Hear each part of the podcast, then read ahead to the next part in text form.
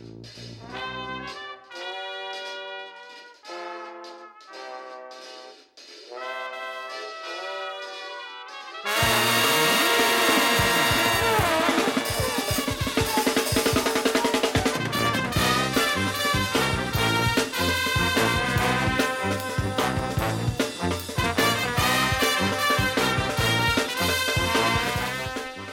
Helo a chroeso i benod rhif 79 o Sbeidiau Heilog gyda fi, Llwyd Owen.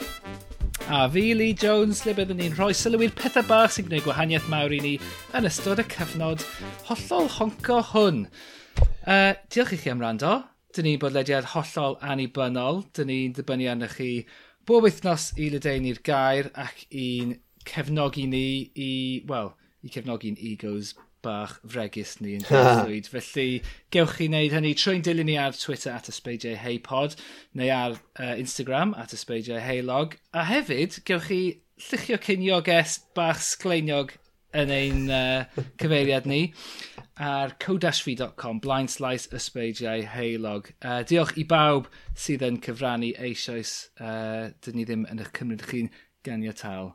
Swsys mawr oh. i chi oh. gyd. Uh, ond Llwyd, Um, sôn am sysys mawr, mae yna i sys mawr i ti, achos ti wedi bod yn frysur yn bwcio gwestau rhagorol. a neb yn fwy rhagorol nag ar y benod yma. Felly, um, dwi'n methu aros i weld pan mae hi yn cymryd i ti regu ar y benod yma. Uh, o flaen ein, o flaen ein gwestau gwadd. Felly, dwedwch wrthyn ni pwy sydd yma. Pam ydw i mor excited? OK, Lee. Wel, ti'n gwybod, bydd i ddim yn cymryd yn hir, fi'n siŵr. Ond, uh, does ddim actually angen cyflwyniad ar westor benod yma, uh, ond fi wedi paratoi'n ta beth. Uh, dyma drysor cenedlaethol go iawn cyflwynydd radio a thaledu darlledwraig ar o bryn, newydd i dirwr, ymgyrchydd gofal iechyd, actor, Gweriniaethwr i'r carn ac un o leisiau a wynebau mwyaf cyfarwydd ein cenedl. Mae'n aelod o orsedd y beirdd ac mae'n casglu gwobrau dewidiannol a graddau o brifysgolion fel dwi'n casglu records. Falle bod hi'n fwyaf adnabyddus am gyflwyno rhaglen wythnosol ar Radio Cymru ers cyn i li gael ei eni. So pwy a oer pam bod wedi cytuno i ymddangos ar ein podledydd bach ni. Mae'n bleser ac yn anrhydedd ac yn wefr llwyr i roi croeso cynnes i'r un, i'r unig, i'r unigryw Betty George. Wow. Nos o dda. Llwyd, dyna ddigon nawr. Chi'n gwybod be, Betty, gallen i ni dweud mwy. Chi'n chi, chi fenyw brysur a chi wedi bod ers degawdau. oh, yeah, well. Ond ie, yeah, mae'n mae mae mae mae mae mae hyfryd eich gweld chi, mae'n wych bod chi wedi cytuno i ddod i ddweud helo wrtho ni. Um, a chi'n gwybod, fel ni'n ni, gweud, ni'n gwybod bod chi'n fenyw brysur. Um, ond so, peth cyntaf ni eisiau gweud yw, yw jyst diolch yn fawr i chi. A Fi'n meddwl y lle gorau i ddechrau yw ddim gyda'ch gyrfa lywyrchus uh, sydd, sydd yn mynd yn, yn gryf hyd heddiw, Betty, ond fi'n meddwl y lle gorau i ni ddechrau yw pentref bach yng Ngheredigion o'r enw Sarne, um, sydd rhwng Plwmp a Tresaeth a Llangrannog rhwng fyna, um, ond i ni'n chi a fi yn, yn, yn rhannu uh, cysylltiad gyda Sarne. Mae ma, ma, ma gwreiddiau teuluol dyn ni yn, uh, yn y plorin bach yma yng Ngheredigion. So, chywod, mae ma, ma gen i atgofion hyfryd tu hwnt o'r lle. Beth yw'ch cysylltiad chi gyda Sarne, Betty?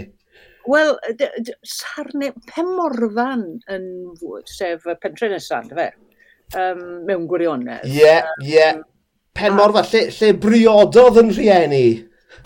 Ie, ie, ie, yn y capel bach, wrth gwrs. Dwi'n cofio fi, o, achos oedd y gymanfa gani yn mynd fyny, a ac o'n i fel methodistiad yn, yn, uh, yn mynd i'r gymanfa gani yn Pen Morfa. Oedd e'n mynd yn gylch, a wedyn oedd Pen Morfa yn un yeah. o'r uh, capeli.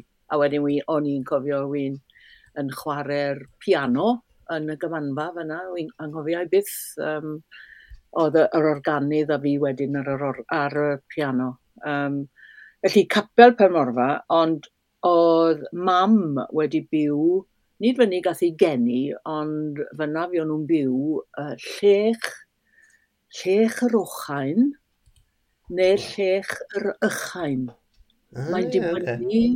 mae'n dibynnu pam, wel, ar y rhamant y peth. Fi'n gwybod meddwl llech yr ochain yn dyw yn, swnio yna. Ond mae ma enwau yn y cylch yna, achos wedyn y ffarn nesaf at llech yr ochain, neu llech yr ochain, um, ydy cnwc yr higlyn. Cnwc yr hendre, efe? Ah, cnwc yr higlyn. Yr higlyn, ie, yeah, wrth gwrs, wrth gwrs, ie. Yeah. Uh, Anti Mor oedd yn byw yn y cnwc, ie, yeah? Uncle John. Ie. Dwi'n iawn, ie, mor a John. A Alun a Ian. Efe Alun a John a Ian oedd y meibion.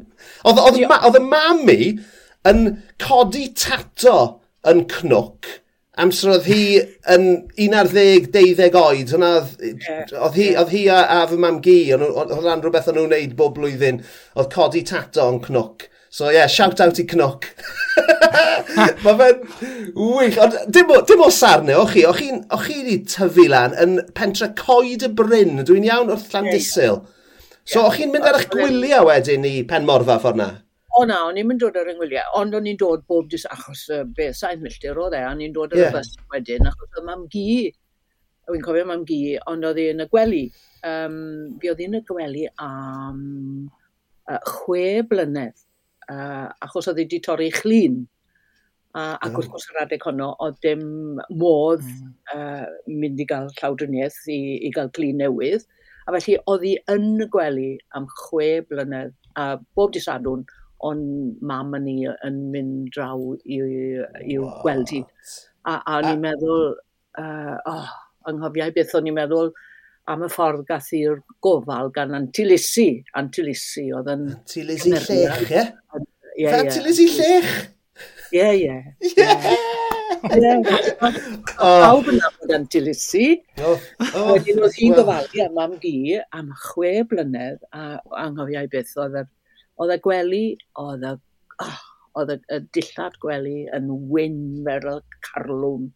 Um, ac oedd hi'n, wel, be fydd ein, oedd na, oedd na wedyn ar y star, um, uh, beth, y linoleum oedd fel arfer, yn fe? Ond oedd hi'n, oedd hi wedyn yn cofro'r linoleum yma gyda um, uh, rhyw uh, beth, beth gwyn, yn fe? Rhyw, rhyw uh, uh, fel bod hi'n gallu olchi fe. Yeah. Um, oedd yn rhoi fain o just, just y fyny rhywbeth. Ie, yeah, just, just rhyw yeah. o ddefnydd, yn fe? Um, hmm. yeah. A wedyn, os oedd hi'n bwrw glaw ac oedd na, oedd na uh, bobl yn dod i weld mae'n gi wrth gwrs, um, a fe fydd yna sawl un yn os oedd hi'n bwrw glaw, fe fydd e'n golchi fe. Rhyw ddwywaith, a, a heb beiriant golchi yna dim byd. Um, oh, a ni'n meddwl, oedd popeth mor lan, mor wyn. A dwi'n cofio wedyn pan o'n i yn gofalu ar ôl David wedyn, uh, yn y blynyddoedd blin hynny, pan oedd uh, Alzheimer's ar David. O'n i'n cofio am Antilisi, fel oedd hi'n gofalu am mam, a mam gi, uh, ac uh, o'n i'n meddwl, wel, os, oedd, os allan ni fod cwarter gystal ac Antilisi, sy'n ni'n yn gofalu'n eitha da am David, dwi? E? Ie, ie, wel, ie, mae fe'n rhyfeddol. Oedd fi'n meddwl am tîm y mam gi hefyd, oedd y balchder Um, Oedd. O ran cynnal, just, just rhag ofon bod rhywun yn dod i, yn cnoc mm. y drws.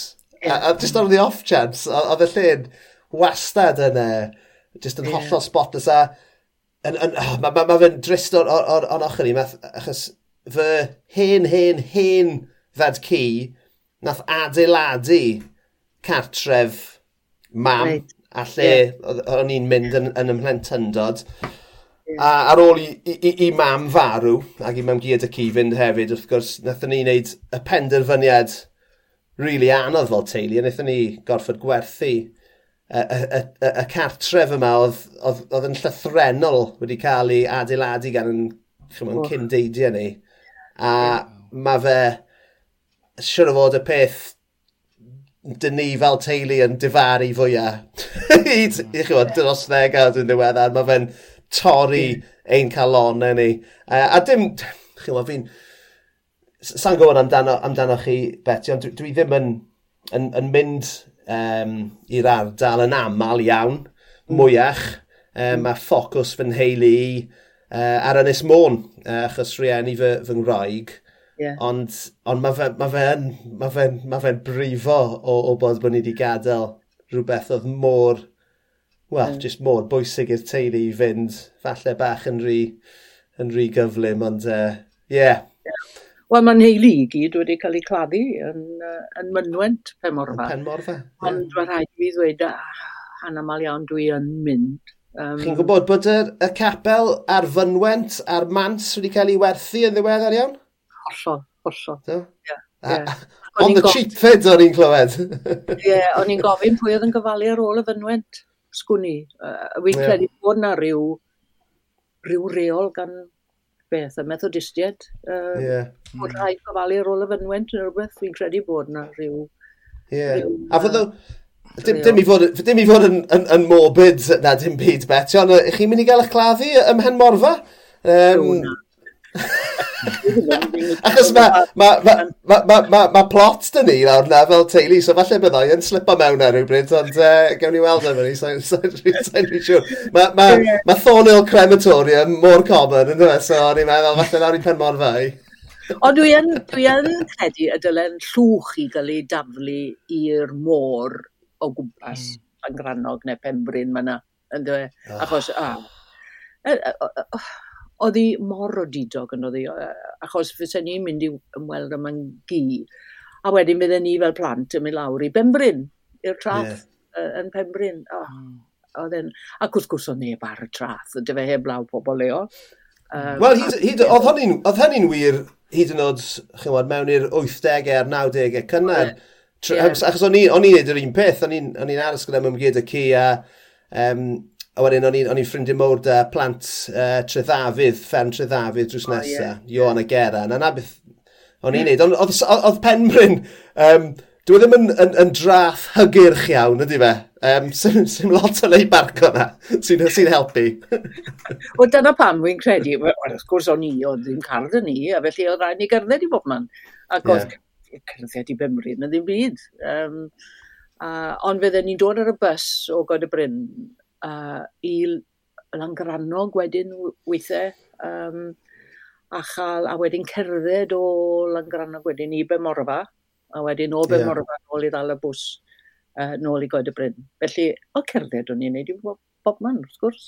Uh, yeah. O cerdded o Langrannog i Bemorfa o, yeah, a gweld yr môr o'n blaenau a bae Ceredigion. Ah. Oh, paradwys. Mae yn, mae yn, a ma, ma, chi'n codi chwant yna i fi yn fynd nôl lawr mor gyntaf ag gallai. Ond, um, yeah, yeah, mae'n... Ma, ma, ma, ma, ma gen i uh, theori, chi'n bod uh, fel maen nhw'n uh, ystyried bod pob bod, bod y dynol yn reiddio wedi dod o, o ddwyren hmm. Africa wedi yeah. uh, lledaenu o fanna. Mae gen i theori lle mae pob Cymro yn tarddu o geredigion yn reiddiol. uh, dwi'n meddwl, o fanna dyn ni'n dod a wedi yeah. mynd allan o fanna. Achos, yeah. yeah. O fanna yw, yw, yw le mae, ti'n meddwl, ochr, ochr yn hard i'r teulu'n dod. Ni gyd, Dwi'n gefn dyr i dau, uh, dau llynil ar, so ti'n meddwl, mae... O, rei! Dwi'n chymod. Ma... Humble brag! Ma... Ceredigion yn un i gyd. Dwi'n just eisiau, ti'n bod, cyfrannu. Dyna'n oh. cyfraniad i at uh, Ceredigion. O, mae'r ardal di newid. Mae llygrannog wedi newid. Um, mae'n rhyfedd, dwi, dwi, dwi gysau mynd i lyngrannog nawr. Achos mm. mae'n dod nôl y gydgofion, o, atgofion o'r um, gymuned leol yn dyfen cwrdd mm. ar y tras yn llygrannog. Mm. Yeah. Ie, yeah, mae fe'n... Um, Mae'n drist, drist iawn. Dwi'n dwi, dwi, dwi gwybod am llan grano, chi'n gwybod, mae'r um, mae eglwys lawr ochr Abergwain sy'n cael y sylw bod, bod neb yn byw na uh, yeah. trwy'r flwyddyn y symwy. Achon, mae ma, ma, ma un teulu, un teulu sy'n byw yn llan grano grwn flwyddyn nawr. Um, mm. O'n i yn y coleg gyda cynnyr ifan yw, yw enw fe fe o'i deulu. Ond ie, yeah, yn, yn ganol geiaf, maen nhw'n llythrenol fyna ar ben unan. Mm. A mm. just Yeah. Mae'n dol colonis. Mae'n dol colonis. A wedyn, um, yna, o'n i... Oh, God, oedd uh, ieuenctid i gyd yn cwrdd yna, a bobl fel boes y ciliad, a, a tid, tidfor, mi'n cofio tidfor yn iawn. Yn, um, oedd e jyst yn siarad mewn cynghanedd, ac o'n i bobl i fynd. Fel a neirin blydi caradog.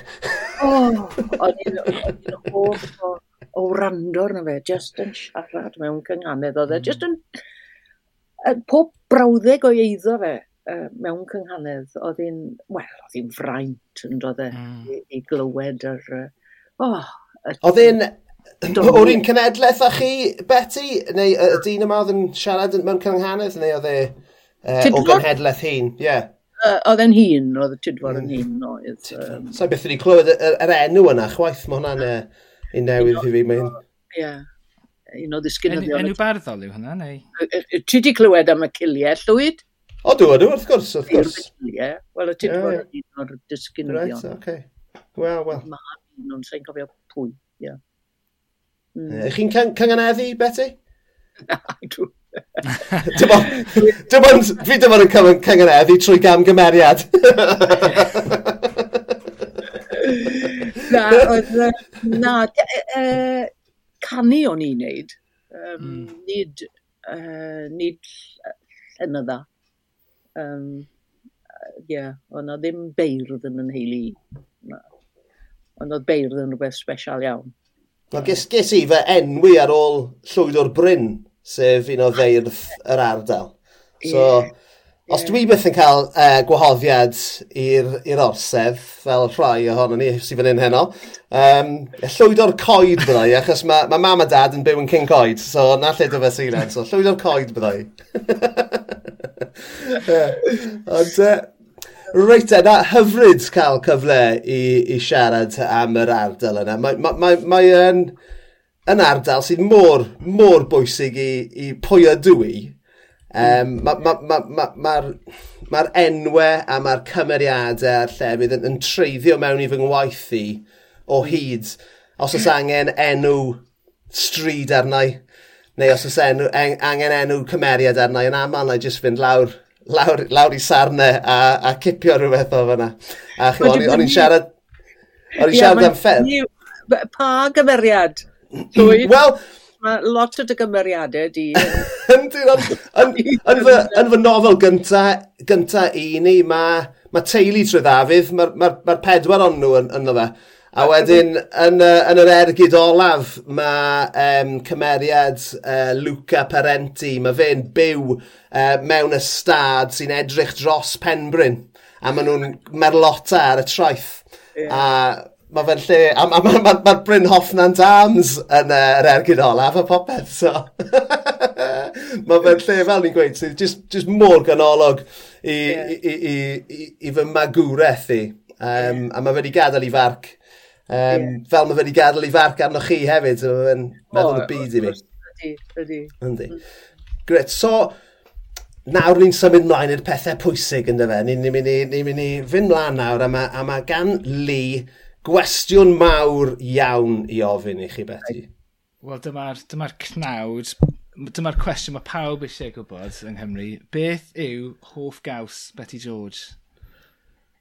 Wel, yn rhyfedd iawn, dwi'n newydd gael um, halloumi i, i swper. Lovely. Ond dwi'n gweud bod hwnnw'n yn hoff gaws. Chwaith, um... Gallwch chi jyst werth ni siwt gethoch eich halloumi gyda pasta, gyda salads? Salad trola. Ie. Yeah. A'i oh. ffrio fe. Oh, um, lovely. Ie. Yeah. A gyda brwsion, uh, i roi e mewn brwsion i'r achre. A wedyn i ffrio fe. Oedd e'n neis iawn, ond dwi'n hoffi o'n o ffeta. Mm. Mm-hmm. Ond dwi yn credu mai perl wen. Neu felly perlas. Ie, yeah. dyna fy hoff gaws. Caws Cenarth, wrth gwrs, ydy fe? Caws Cenarth. Yeah. Chi... Dwi, dwi, dwi mor grac pan dwi'n mynd i'r siopau yma, yr arch farchnadoedd, fan hyn yng Nghyrdydd. A maen nhw'n gwerthu pob caws dros bryden i gyd, heb law um, dowsiau Cymreig. Um. Hynny yw rhyw gysgliad bach, bach, bach, a dwi'n cwyno bob tro. Os so dwi'n mynd i Waitrose, er enghraifft. Dyw hwnna ddim yn syni fi. Yw yn syni ti, Lee, bod uh, Betty George yn siop an Waitrose? Uh, na, na, dwi'n mynd o droi dro hefyd. O! Mae hwnna yn syni fi. Byddai'n cwyno, byddai'n cwyno wrthyn nhw, uh, ble mae cawsiau Cymreig chi. O, mae gyda ni rhyw un neu ddau. Um, uh, ond, o, oh, mae'n yngwylltio i. Uh, Ond wrth gwrs mae, mae e ar gael mewn siopau yng Nghaerdydd a byddai yn ei gael efo ni. Ond, ond gan At... bod rhan fwyaf o bobl yn mynd i archfarchnadoedd, yeah. fe ddyle fe fod fyny. Mm. Ynddi, na, cytuno'n iawn, ond atgoffwch fi o pa fath o gaws yw per las, dwi ddeffnod wedi cael e. e, yw en gaws gwyn? Y meddal. Ie. Yeah. Fel bri. Fel bri, o mae fe'n, chi'n gwybod be, nath, nath um, Caris Aleri ddewis per las, do. A, a wedodd hi, taw hwn yw'r caws gorau yn y byd i gyd, a yeah. nath fi a ni fy'n allan, wel, nes i, nes i fy'n allan i drwy'r, dwi'n li ddim yn bwynt y caws rhyfeddod, ond nes i allan, a oedd hi'n iawn, chi'n chi iawn, ond mae'n jyst i argoffi nawr, mae fe'n anhygol o flasus, yn dod, e? really yn beautiful o gaws. Yndi. Yndi. Ie. So, ie, yeah, lyflu. A eich chi'n hoffi cael rhywbeth gyda'ch perlas? Ydych chi'n cael rhyw, um, sa'n gwybod, rhyw fath o jam neu chutney neu rhywbeth gyda fe? Na, ddim, achos mae mae'n flasus. dros dim eisiau di hmm. byd. Mm. Mae, mm. mae unrhyw beth gyda ge, mae'n lladd y blas wedyn. Okay. Mm. A, mm. pa fath o crackers ych chi'n chi cael? Um, mae yna rai. Neu chi jyst yn bwyta'r colsyn? O na, mae rhai gyrwyd. Ie, naill ai rhyw... Um, ie, yeah, mae yna rhyw gracers, mae sa'n gwybod beth maen nhw'n galw nhw, rhyw gracers bach. Um, di bron. Ie, yeah, ie, yeah. rhoi charcoal. Ych chi'n siarad am rhoi charcoal yeah. ma? Maen nhw'n stunning, ie? Ar un, ar un, o! O, ni ar yr un dudalen, Betty, ni ar yr un dudalen. So dyna'ch hoff gaws chi, a mae'r cwestiwn nesaf, yn gysylltiedig gyda hyn. A fi'n meddwl falle bod ni mewn fan hyn, Lee, gyda siawns o herio Richard Ellis. Ond uh, sawl cheese grater sydd gyda chi, Betty? Wel, am gwestiwn. Pidwch o cwestiwn a tebwch. sawl cheese grater. Mae na... Mae ma gen i ddau. Mae gen i un llaw ac un peiriant. Felly, na fe. Ooh. O, oh, yeah. na ni, siomedig. Mae'n dibynnu pa mor galed yw'r caws. Uh, ac os eisiau lot ohono fe, uh, o na, fyddai'n defnyddio'r un yn y peiriant. Um, y parmesan, er enghraifft. Mm, e? Ie, mm, yeah. mae'r ma rhai peiriant yna, mae wastad yn teimlo, fel rhywun sydd ddim yn bwyta caws, mae wastad yn teimlo fel, chymod, os chi'n mynd i fwyty eidaleg, yeah. a maen nhw'n dod ag yn, i, i gynnig caws i chi, a ydych chi'n yeah. disgwyl, ydych chi'n disgwyl, chymod, lwmpen fawr, a rhyw foi yn chmod, roi freichau mewn iddo fe, a wedyn pam nhw jyst yn troi rownd a jyst dod ar yeah. peiriant allan, pwysio botwm a jyst, uh, a dyna'r caws ar eich plat chi. Mae'n teimlo fel chi'n cael eich ripio off rhyw faint. Mae'r ma, ma rhamant i gyd i mynd yna. Dych chi'n mewn bwyty. Mae'n iawn, mae'n iawn yn y cartref, wrth gwrs, ond chymod, bach, bach o ddrama yn y bwyty, ysgwelwch yn dda. Ond on, mae Lean really really hapus am sy'n dod allan ar pepper grinder anferth. Mae hwnna'n oh. thrilling. Llwyd, o'n i on i mewn bwyty ei daleg neithiwr a nath nhw gadle ar y bwrdd i chi. So o'n i, oh. cael, on cael go arno fe fy hun. O'n i'n teimlo fel... O, oh, o'n i'n teimlo fel yeah, brenin y byd. Bydda i bob amser yn gofyn am fwy na beth maen nhw, achos maen nhw jyst yn troi deimwaith yna fe. I'n gweud, hei, come on, mae eisiau mwy na na. Na, heb os, heb os. So, dau cheese grater. Mm, yeah. yeah. Ddim, ddim, yn, ddim yn yr un gyngrair ar Richard Ellis gyda'i saith. Saith oh. cheese grater, Betty. Anhygol. Wel, mae eisiau chi gael e ar beti o'i phobl a agor gyda'r cwestiwn yna. mae fe'n ma fe honni bod e'n defnyddio pob un o'n nhw fyd, so dych chi'n bod, a pwy ni, pwy ni i, i, i wrth ddweud hynny. Um, anyway, y cwestiwn nesaf, y cwestiwn olaf am fwyd. Um, beth yw'r peth rhyfedda, mwyaf weird chi beth wedi bwyta? So, i'n credu bod fi wedi bwyta dim byd weird. Uh, hynny yw, mae ma, ma rhai o'r pethau yma mae dyn yn gweld ar... Um, beth, beth yw'r beth, beth yw'r rhaglen o cele, celebrity? I'm a celebrity, ie. Yeah. So chi beth wedi bwyta coc kangaroo? Uh, na, um, Na. Na. Dim eto. Dwi'n gallu credu bod y cwestiwn yna wedi cael ei ofyn. Ond dwi wedi... Hynny yw un o'n hoff grydiau i mewn gwirionedd ydy cocoretsi. Nawr, uh, uh, mm, yeah.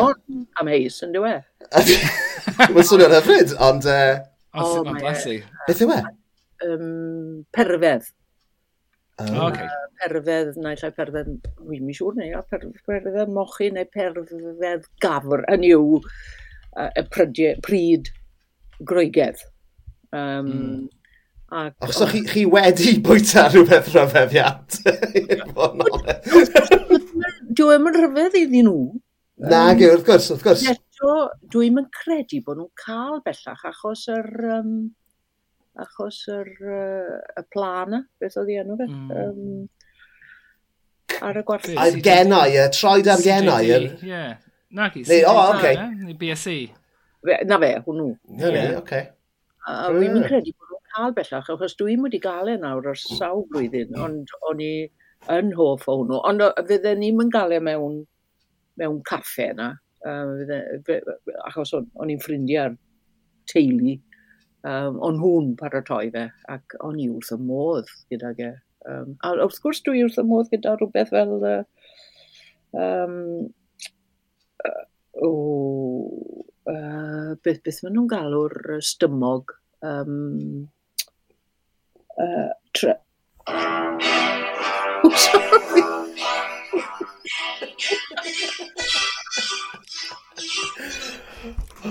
oh, dyna'r intro.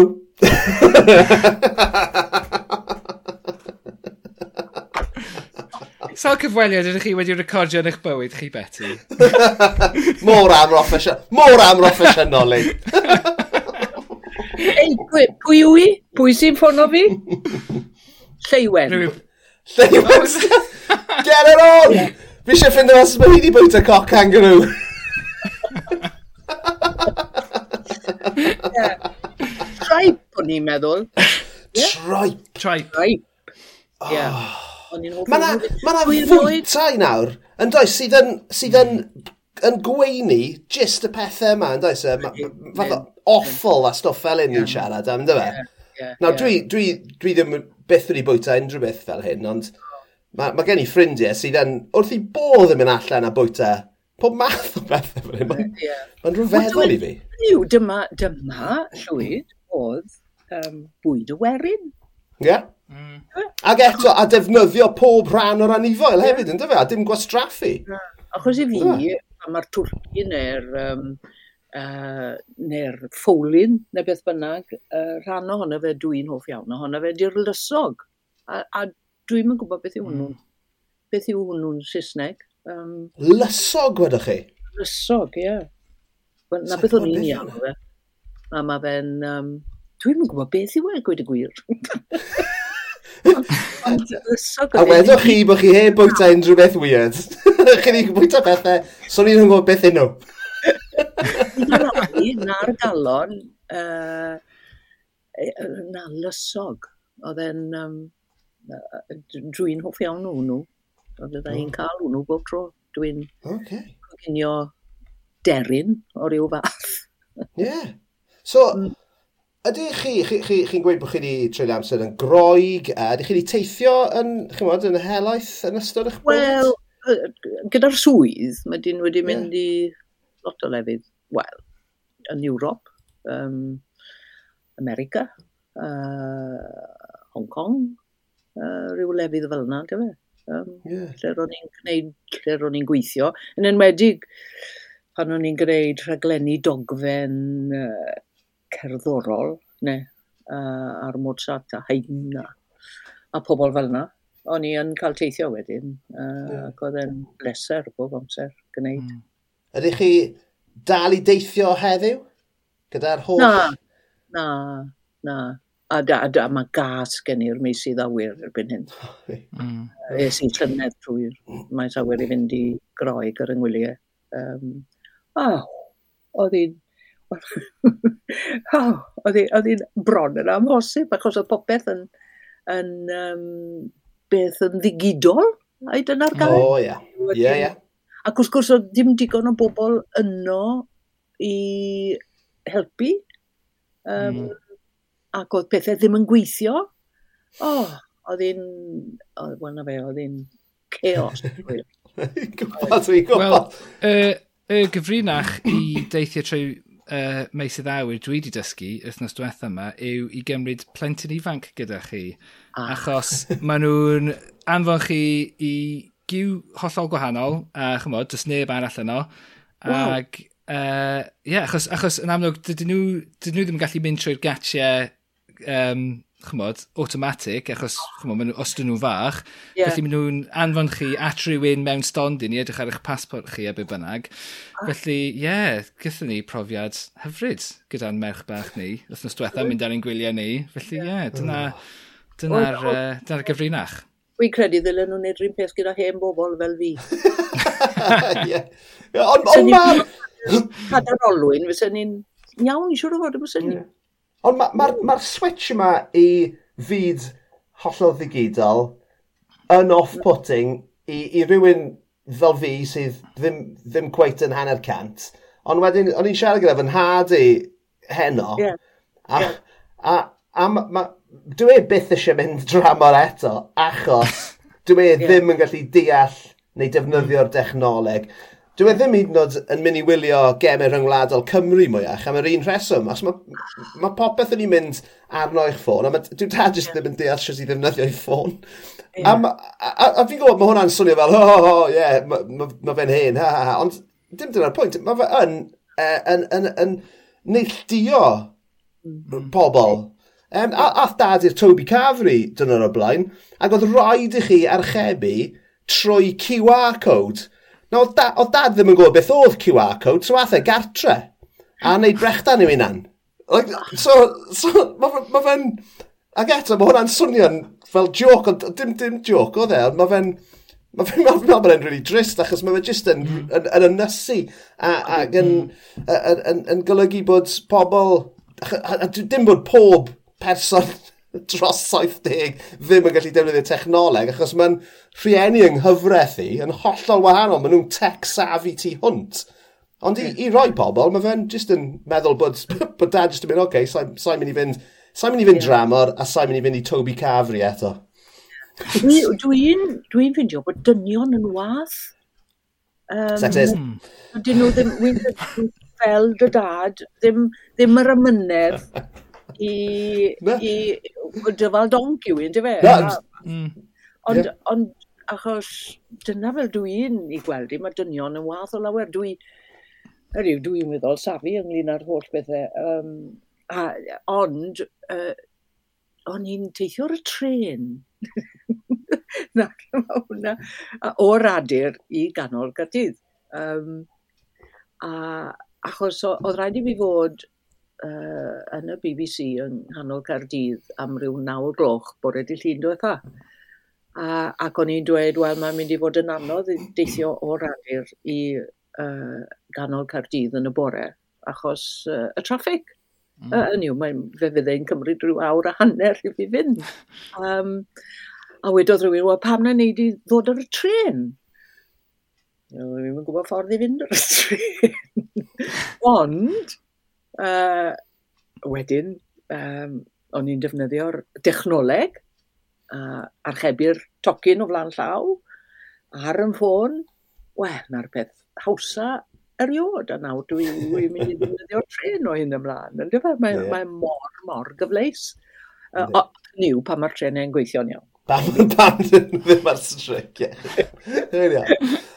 Mae'n wych. Um, So ni nawr yn symud mlaen at brif gwrs y benod. A i rei ni falle sydd fan hyn am y tro cyntaf yn gwrando arno ni achos bod uh, Betty George gyda ni heno. Falle bod chi ddim yn sylwi, ni'n gofyn i... Fan club un... Betty George yn gwrando. Mae fan club Betty George yn tiwno mewn heno. Um, Ni yn gofyn un gwesteion i gyflwyno dau beth sydd yn ei gwneud nhw'n hapus. Mae'n gallu bod yn rhywbeth bach neu'n rhywbeth mawr. Does dim ots, does dim atebion anghywir. So, Betty, beth yw'r peth cyntaf uh, e, chi eisiau cyflwyno i ni ar y benod yma? Wel, wy'n mynd nôl i Wlad Groeg eto. Um, uh, e, hail. Yeah. Mae hwnnw'n neud fi hapus.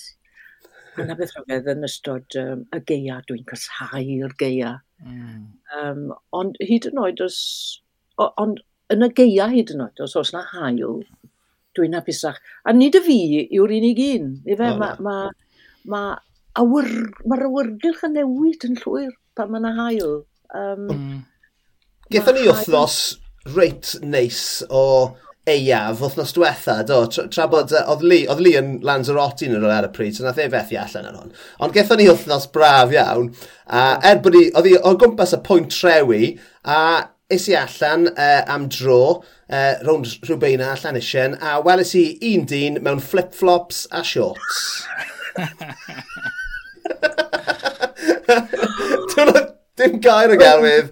A ni fyna fel mewn twa, pedwar heinen ar y top, long johns. Mae well, ma hwnna just yn, mae hwnna'n wers i ti llwyd. Mae rhaid i ti ddysgu sut i wneud y gorau o'r uh, sefyllfa fel y person yma. Ti'n hollol iawn, ti'n hollol iawn, ti'n hollol iawn. So, ydych chi yn... Beth yw'r be, be, be, be, be, be, be, y cyflwr Um, oh, Lee, ti, yeah. ni, ni wedi siarad am hwn. Essex Sad, ie? Essex Sad, ie. Yeah. Seasonal yeah. Affective Disorder. Yeah. Ydy... Felly, mod i a dweud y gwir. Um. Uh, ond dwi ddim wedi meddwl amdano. Ond mae e, ydy, mae, mae e, dwi yn, uh, dwi'n ei chael un uh, anodd yn y geia. Mm. Um, a wrth gwrs mae'r ma, ma, ma, ma um, uh, y golau arbennig mae'n lle hmm. allwn mm, yeah. brynu, yn diwedd. Um, mm si, ond dwi'n gwybod. Uh, na, ti'n bod dwi wedi... Dwi'n meddwl bod cyfnod y pandemig wedi chwalu popeth. Um, achos dwi wedi ffindio'r geia yma yn, yn waith rhywbeth yn ei gilydd na'r geiafau eraill, a dwi'm yn gwybod pam. Uh, mae gen i ryw theori yn ystod y Covid um, oedd... Wel, oedd pawb yn gorfod aros i fewn, yn dod nhw. Mm. Uh, o'n i gyd yn, wedi cael yn cyfyngu i'n cartrefi, fwy neu lai. Mm. Um, ond y geia yma, oedd, wel, o o popeth yn ôl i normal yn doedd. Ac eto, os o'n i, uh, o'n i'n eisiau mi mas, achos, achos oedd hi'n ddiflas ac yn oer ac yn, ac yn, uh, yn dywyll ac yn gymylog a phopeth. Um, ac o'n i'n ffindio un galed. Um, ond wedyn, os oedd yr hael allan, o'n i'n hapus, felly, ie. Yeah, mm. Ydych chi byth wedi ystyried symud i wlad gynnes i fyw? Chi'n gweud bod mae'n ma amlwg bod ffrindiau ydych chi yng Ngroi, ger enghraifft, yeah. so dwi'n meddwl beth wedi croesi'ch meddwl? Mae wedi, ydy. Uh, ond eto, dwi'n gwybod yn iawn, mae rhyw, ma rhyw freuddwyd uh, wel, ffôl fyddai mewn gwirionedd, achos ar yr ynys yma yn Samos, mae'n mae mae hyfryd o ynys, um, a dwi wrth y modd yno. Ond wrth gwrs yn y geia, um, mae mor ddiflas yno a fyddai fan hyn. Hmm. Um, mm. Heblaw bod y tywyd, mae'n gallu bod yn oer you know? Chi definitely gallu gwisgo flip-flops mas hwnna'n ganol gaea. Fe fydd yr... fe fydde'r um, awrgylch yn gwbl wahanol yn y gaea. Uh, mm. A does na ddim, ddim byd i wneud yno yn ystod y gaea, achos yna, mm. wrth gwrs, mae'n dinas drwy'r amser. Um, ydych chi'n un, ydych chi'n ffeindio ymlacio yn hawdd, Betty, fel, fel rhywun sydd wedi cael gyrfa mor brysur, um. Ydych chi'n ffeindio un hawdd i, i switch off? Uh, ydw, unwaith eto, yn Samos, yn Wlad Roi.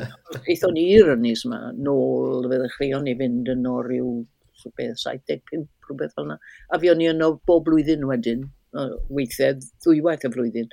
A, a dyna'r ffordd o'n i yn gallu amlacio. Os o'n i'n mynd i ryw le gwahanol bob yeah. blwyddyn, dyfe, fysen ni, mi'n credu fysen ni, mae'n cymryd rhyw wythnos i ymlacio, a wedyn, um, ond wrth gwrs o'n i'n mynd i le, oedd yn rhyw fath o ail gartre ni, beth bynnag, a wedyn oedd, oedd dyn ddim yn gorfod meddwl am, am uh, ddod o hyd i ryw lefydd, achos o'n i'n nabod y lle mor dda, a felly uh, o'n i'n gallu ymlacio yn syth. E, yw, e'n deg i ddweud te, bod chi a David yn workaholics amser o'ch chi yng, yng Nghaerdydd? Wy'n credu felly bod e. Oedd, A'r unig ffordd i ymlacio oedd i fynd i rhywle yeah. ollol dramor. Ie, yeah. ie, yeah. ollol. Yeah.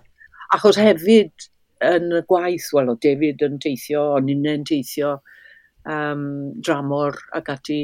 Um, a felly o'n i'n mynd i'r lle yma uh, gan wybod yn iawn bod ni'n nabod y lle mor dda. O'n i'n gwybod pob modfedd bron o'r ynys mm. erbyn y diwedd. A mynd beth oedd enw'r ynys eto? Samos. Samos. Samos. Ie. Yr, um, yr ynys nesa a Twrci. Reit, yr Twrci, ie. Ah, reit, oce. Okay. Nhw filltir sy'n rhenthu hi a Twrci, ac o'n nhw'n arfer cynnal rasis uh, rhwng Twrci a Groeg uh, yn, ar yr ynys. Oh. A hefyd, um, ie, mae'n mae uh, mae ynys werdd uh, hyfryd o ynys ydy. Ynys fach? Um, Wy'n credu bod i ryw faint yr hen forganwg. Reit, oce. Okay. Reit. Uh, organwg ganol y gorllewin a beth bynnag a dwyren i gyd at ei gilydd. Yeah. yeah. okay, so... Hyfryd, a chi, chi wedi bod na, nôl na llynedd wedwch chi? Do, fi es i nôl na llynedd, do. Fe ddoedd ffrindiau gyda fi llynedd i'r ynys, a, a nhw hefyd wedi gwirioni uh, a maen nhw eisiau mynd nôl. Felly mae'n mae beth dda. Ie, yeah, swnio'n hudol. Dwi'n dwi mynd i, i, i roig eleni, ni wedi bwcio gwyliau wythnos yma fel mae'n digwydd, i, i, i fynd i Gorffw. Dwi'n gwybod bod Corffw bach mwy e, masnachol. na, well, na, safos well, yma. Mae ma, ma hi'n eitha masnachol mewn rai trefi yn, yeah. yn Corffw, ond mae ma canol yr ynys jyst yn hollol O, ma, yeah. a ydych chi gallu mynd ar y ffyrdd ar lonydd bach mae lonydd bach cil yeah. trwy ffermydd pobl am Es i gorffw yn 1985 a sa di bod nôl ers ni. A ni, a ni, ni, ni, ni, ni mynd nôl i'r un lle. Um, uh, a es i gyda fy rhieni a, wel, fi'n fi gallu cofio fe fel lle gwyllt iawn. Um, yeah. Ond on, on, dwi, dwi, mae yna ma rhan o'n fi sy'n sy'n dredo beth, beth sy'n yeah. sy disgwyl fi fyna. Ond, ie, uh, yeah, gewn ni weld. Fi'n fi, fi edrych mlaen. Os fel, fel chi'n gweud, Betty, jyst yr hael, jyst i fod... A, yeah. a, a mynd i'r gwely yn nos yn gwybod bod yr hael yn mynd i godi eto yn y bore. Yeah. Dim gorfod poeni falle bydd hi'n bwrw glaw fory. Ond, uh... Gyda llaw, Llywyd, uh, yeah. Certira ydy'r enw iawn ar Gorffw. Diolch. Schooled by Betty George. Diolch. Wel, chyma, Yr enw Eidaler ydy Corfu. Ydych chi'n siarad bach o, bach o roi? roi Wel, o'n i wedi dod yn isda. Da fe, o'n i wedi dod yn isda. Hynny yw, digon i fynd uh, i siopa a bethau fel hyn. Yeah. Uh, ond gan nad o'n i wedi bod, ww, faint, ers, ers byti bum mlynedd felly uh, yn ôl i'r ynys, achos salwch David ag ati. Um, yna o'n i, o'n i ffindio bod fi wedi colli tipyn ohono fe, ond oedd rhai bethau'n dod nôl pan o'n i yno. Ond mae'n... Ymar... Mae... Ie, ydyn, mae'r... Um, Mae'r rhaid i defnyddio yn dros e. Dyna... Y Ymarfer yw popeth. Mm. Ie, ie.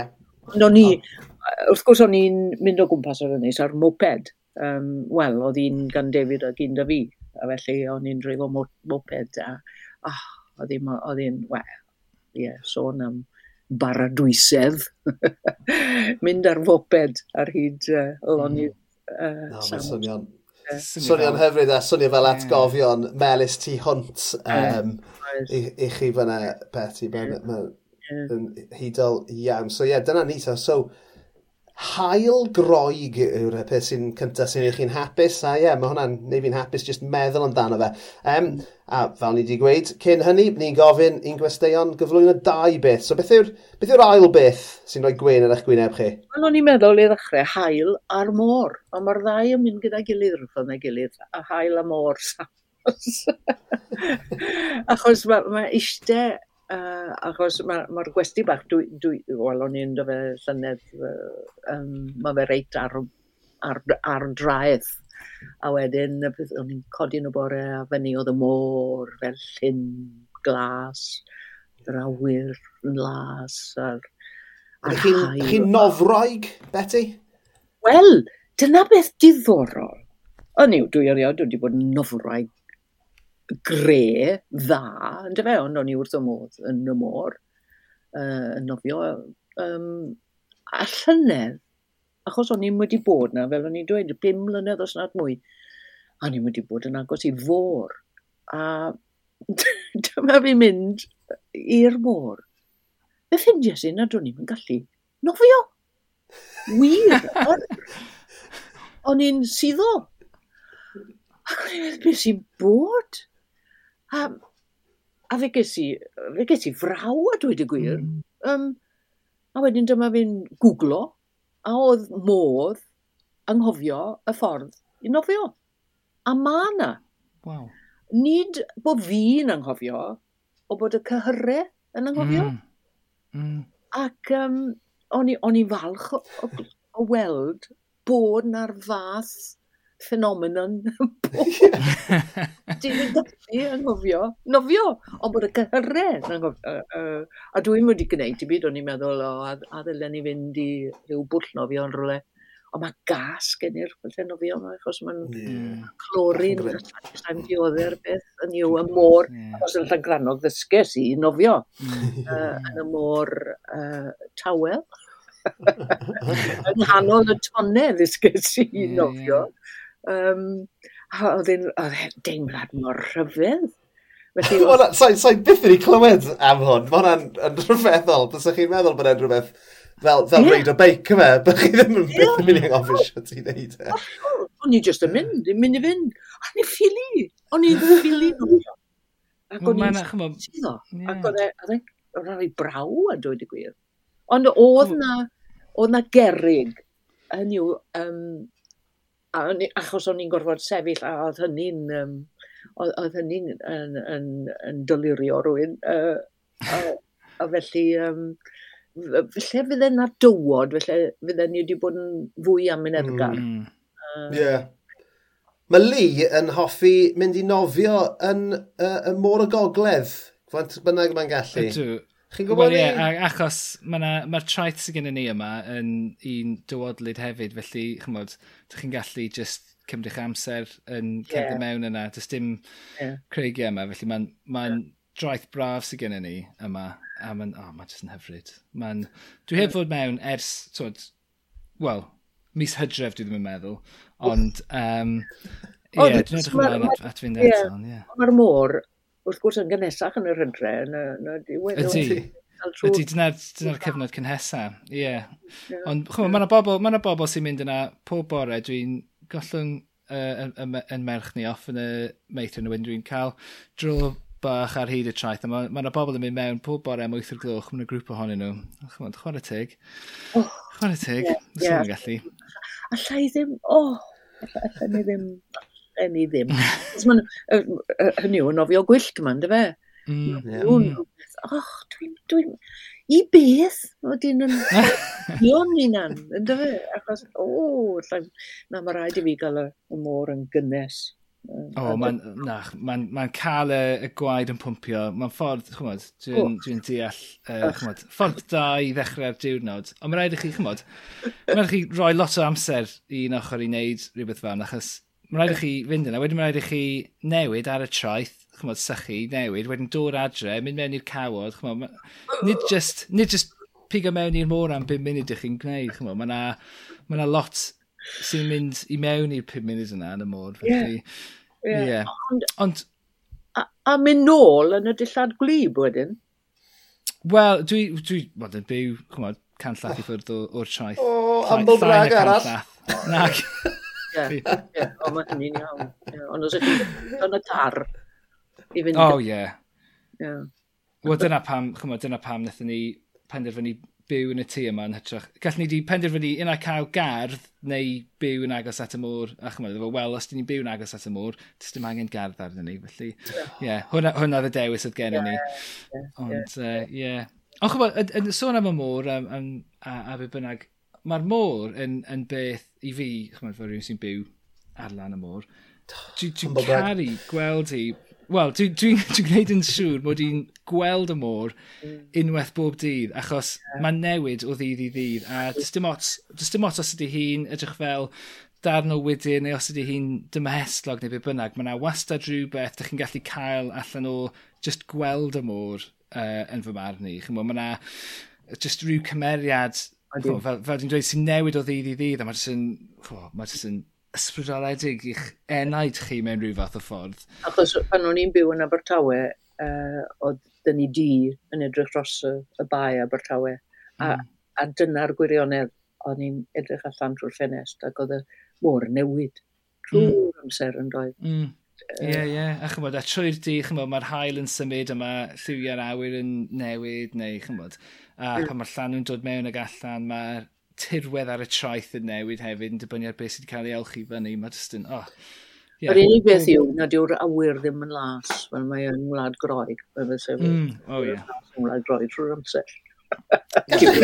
Gallech chi just recordio beti o'i phobl o groeg, i fod yn onest yn bydd. Gallech chi, beti, chi, chi bod cwyno am y tywydd ma, just gallech mas o.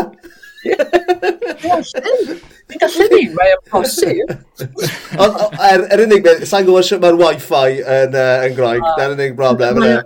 Mae o well yn aml nac yn radio'r fan hyn. Ydy, Superb! Oh, my god. Well, Dyna beth sydd yn neud Betty George yn hapus a mae jyst cael chi gyda ni heno fan hyn Betty wedi gwneud fi a Lee yn hapus iawn. So, jyst cyn bod ni'n ffarwelio, um, jyst eisiau plugs. So, ma, fi'n meddwl bod archif Betty a'i phobl sy'n mynd nôl i 1987. Fi'n meddwl bod, bod Ydyn nhw i gyd ar BBC Sound neu BBC ar y wefan erbyn hyn?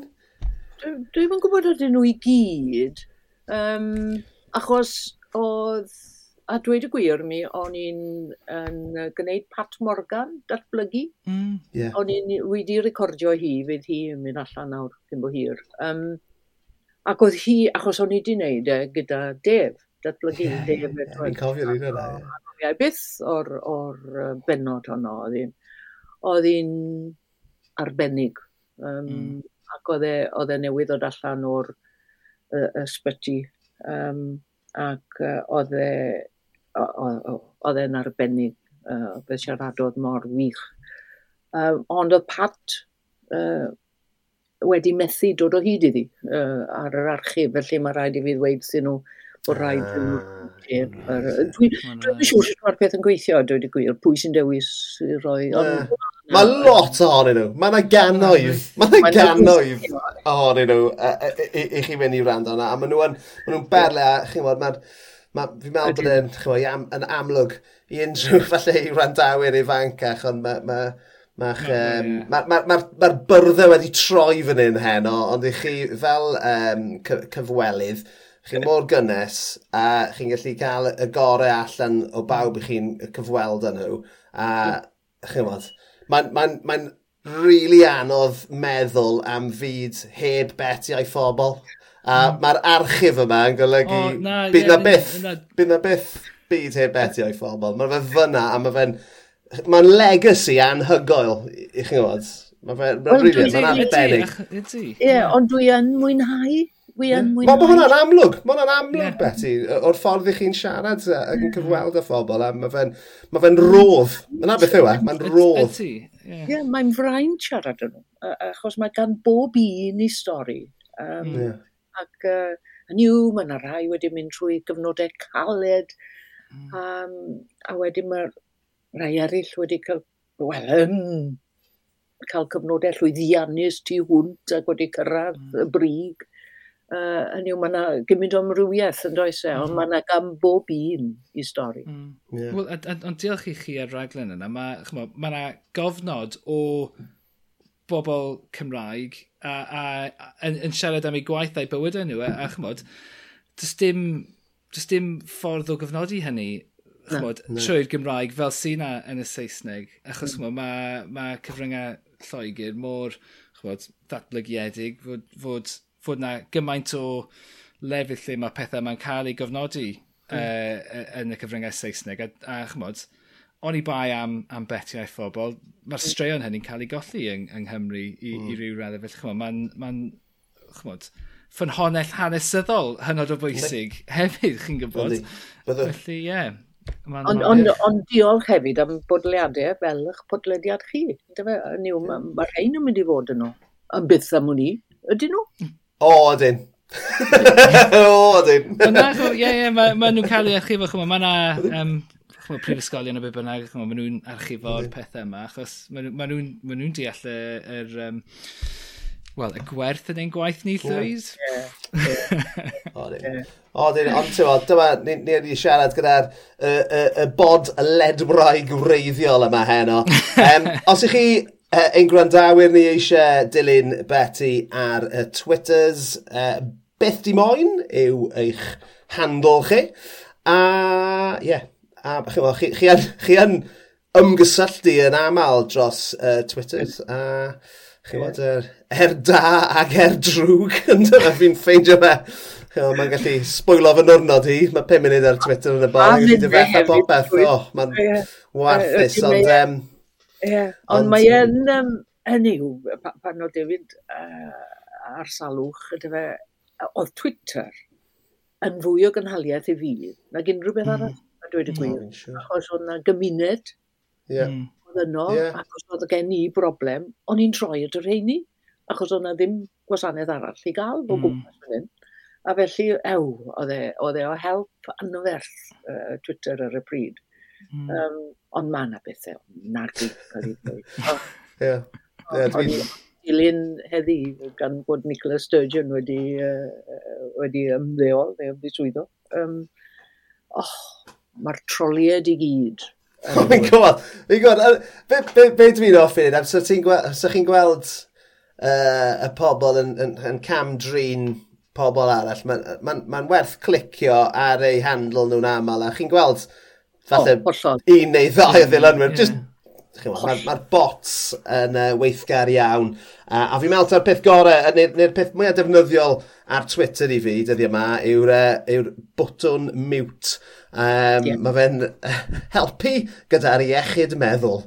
So, dyna'r dyna tip. Ond, ie, uh, yeah, dilynwch Betty ar Twitter, gwrandewch ar Betty ar BBC Sounds a ble bynnag all chi'n cael eich podlediadau ac wrth gwrs ar Radio Cymru bob pen wythnos. Diolch fil i chi, Betty. Ni'n absolutely caru chi. A ie, yeah, mae jyst wedi bod yn bleser llwyr siarad gyda chi heno. Mae wedi bod yn bleser i fi newid. Diolch yn galon.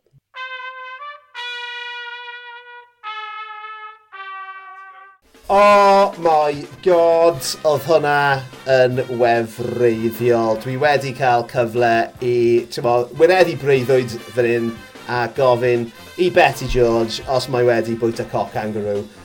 Fi'n gallu marw nawr, Lee. Yn hapus. Wel, o'n i... O'n i... Wel, dwi'n gwybod beth i ddweud. Dwi dal, dwi dal yn, yn sioc o'r ffaith mod i wedi treulio awr yng Nghymru uh, y chwedlonol Betty George. Yeah, um, no. Ond ie, yeah, dyna ni am benod arall llwyd. O, oh, uh, sa'n gwybod, sut ni'n mynd i top o hon, ond newn ni dreial, achos byddwn ni oh. nôl wythnos nesaf Uh, Sa'n gwybod os bydd gwestai gyda ni, ond bydd, uh, byddi di a fi nôl wrthnos nesaf. O'n i boi beth ti'n mynd ar dy wylio eto i rolau ac anghofio uh, recordio'r penod, yna. Uh, uh... uh, sorry, fuck off. uh... oh, diolch i Betty George, diolch i Lizers Jones, diolch i chi am rando. A ie, yeah, lledynwch y gair, a byddwn ni'n ôl wrthnos nesaf gyda mwy o hyn. Ta-da!